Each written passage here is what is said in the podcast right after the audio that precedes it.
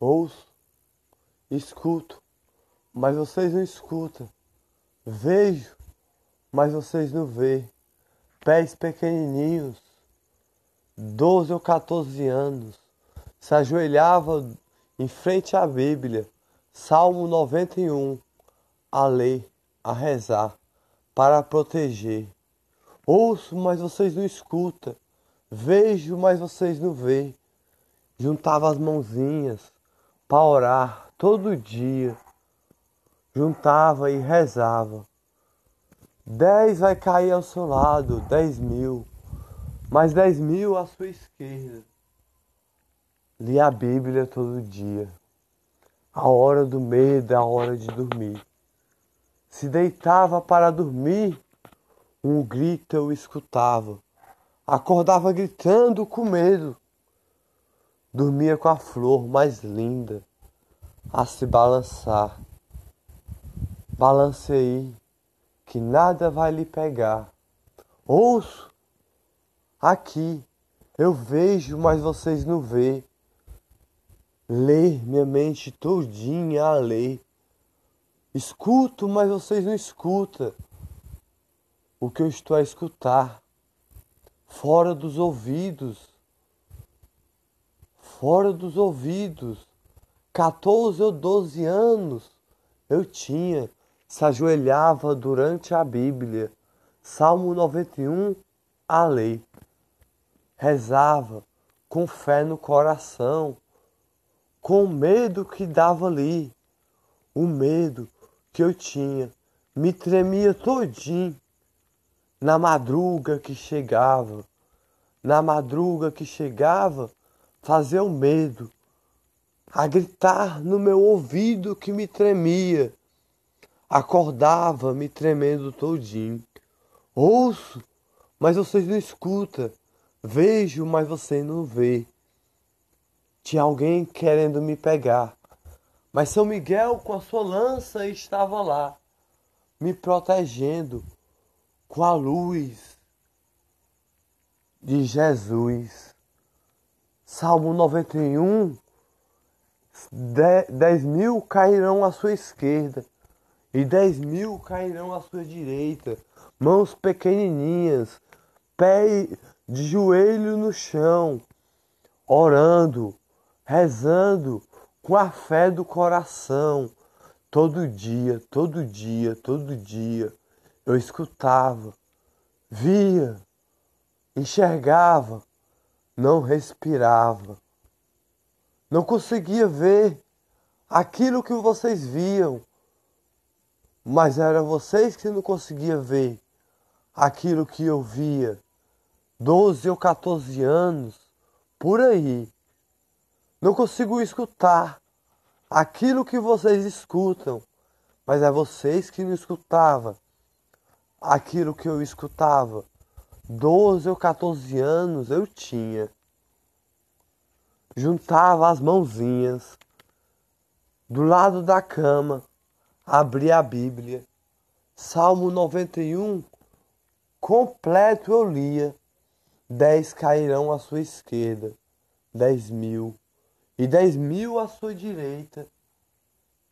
Com a fé do coração, eu li a Bíblia. Com aquilo todo dia que eu me acordava, querendo me pegar, que me assustava, me tremia todinho, só em ver, só em olhar, todinho.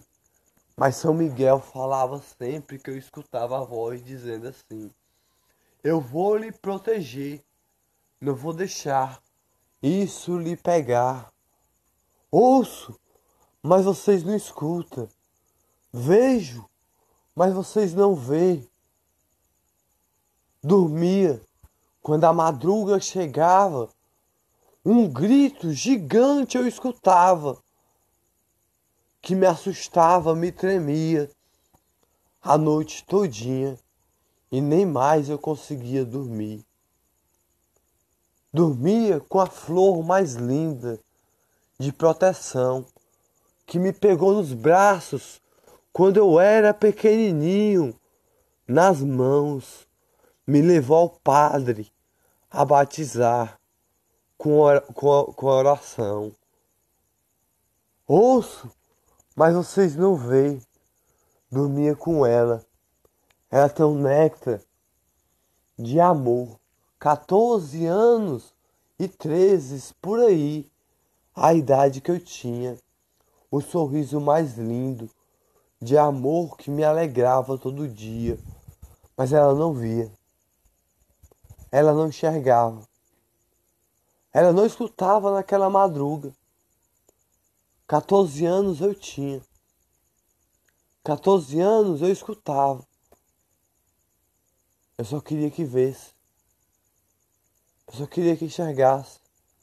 Aquilo tudo que eu passava. Aquele medo que me tremia. Ouço, mas vocês não veem. Me ajoelhava durante a Bíblia. Abria o Salmo 91 todo dia. Que quem me protegeu foi Deus naquela época de 14 anos ou 12 por aí. Do medo que gritava durante a noite, que fazia eu tremer. Do susto que eu tinha, daquele grito que gritava nos meus ouvidos durante a madruga, que fazia tremer. Durante da, daquele dia que chegava, eu enxergava alguém querendo me pegar mas não tinha nada lá. Mas São Miguel eu via sempre lá. Era a diferença que tinha lá. Ouço, mas vocês não vê. Um certo dia, de tanto escutar, de tanto ouvir, de tanto escutar aquilo que passava lá de tanto eu ouvir, de tanto eu enxergar, de tanto explodir o cérebro todinho que lia o que eu pensava. Aquela voz que falava, não aguentava. Que lia o que eu pensava, aquela voz que falava. Fui caminhando durante uma estrada. Fui caminhando durante uma estrada Fui caminhando durante uma estrada, durante a minha casa. Fui caminhando durante uma estrada. Fui caminhando durante uma estrada. Fui caminhando durante uma estrada. Subindo até uma montanha. Não, não aguentava mais escutar. Não aguentava mais enxergar. Não aguentava mais olhar aquela voz que lia minha, minha, minha mente todinha e saía fora dos ouvidos. Aquilo que eu enxergava todo dia na minha frente, que me tremia todinho. Aquilo que me fazia tão medo assim. Mas São Miguel estava sempre lá, sempre a me proteger a minha Bíblia sempre estava aberta no Salmo 91, a lei. Mas eu caminhava, caminhava, subindo essa montanha, subindo essa montanha.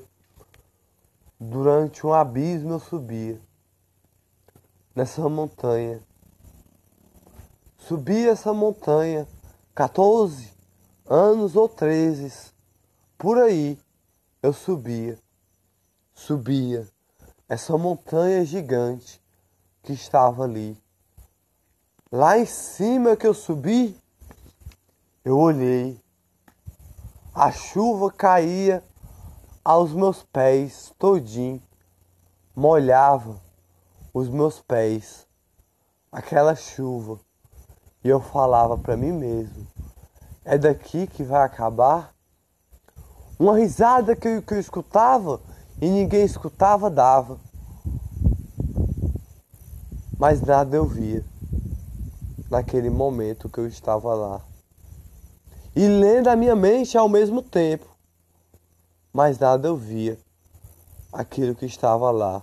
No meio daquela montanha, eu abri os braços parar por lá e falei com Deus: Meu Deus, é aqui que minha vida vai acabar?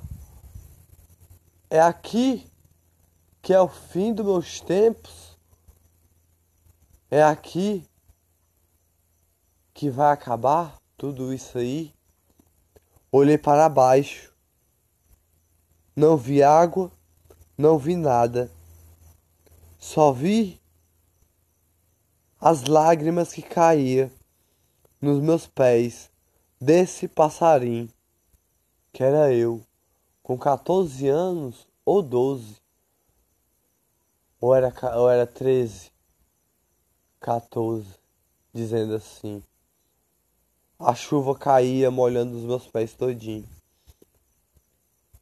Abri os braços e olhei para baixo. A chuva que caía da gota do olhar até os pés a molhar. A chuva que caía da gota do olhar até os pés a molhar. E ainda a voz ainda falava lá. Vai, vai, vai. Não entendia. Não entendia. Eu falava, meu Deus, o que é isso aí? Naquele momento que eu estava lá, a chuva molhava meus pés todinho. E eu pulei daquela montanha lá. Caí, mas não caí, porque São Miguel segurou a mão desse passarinho e foi subindo devagar a segurar, subindo ao céu naquele momento a segurar. Eu olhei e falei: Não acabou aqui, porque São Miguel me salvou nesse momento que eu estava nessa montanha aí. Ouço, mas vocês não veem. Mas todo dia, o Salmo 91, com a minha Bíblia aberta, estava lá. 14 anos ou 13, sei lá.